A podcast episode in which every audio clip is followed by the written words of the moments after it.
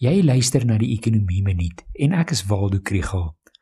Twee belangrike leidende aanwysers van die herstel van die ekonomie, kredietverlening en die nuwe motorvoertkope is hierdie week bekend gemaak.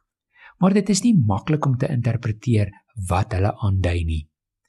Nuwe voertuigverkope van 38300 eenhede is in Mei maand aangeteken.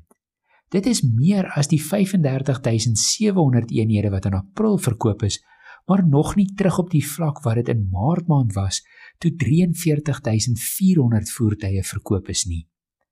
In Mei maand was 87% van verkope deur handelaars. 8% van die verkope was aan voertuigverhuuringsmaatskappye en 2% aan korporatiewe vlote.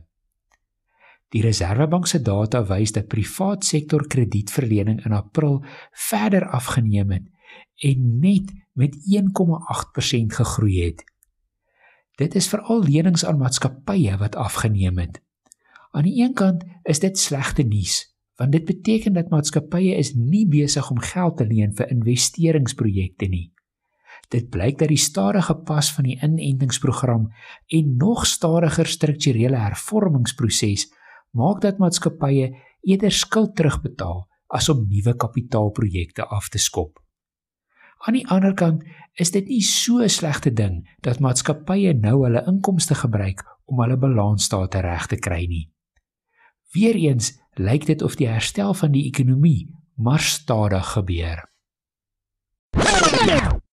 As jy meer van die ekonomie wil leer, volg die ekonomie blok.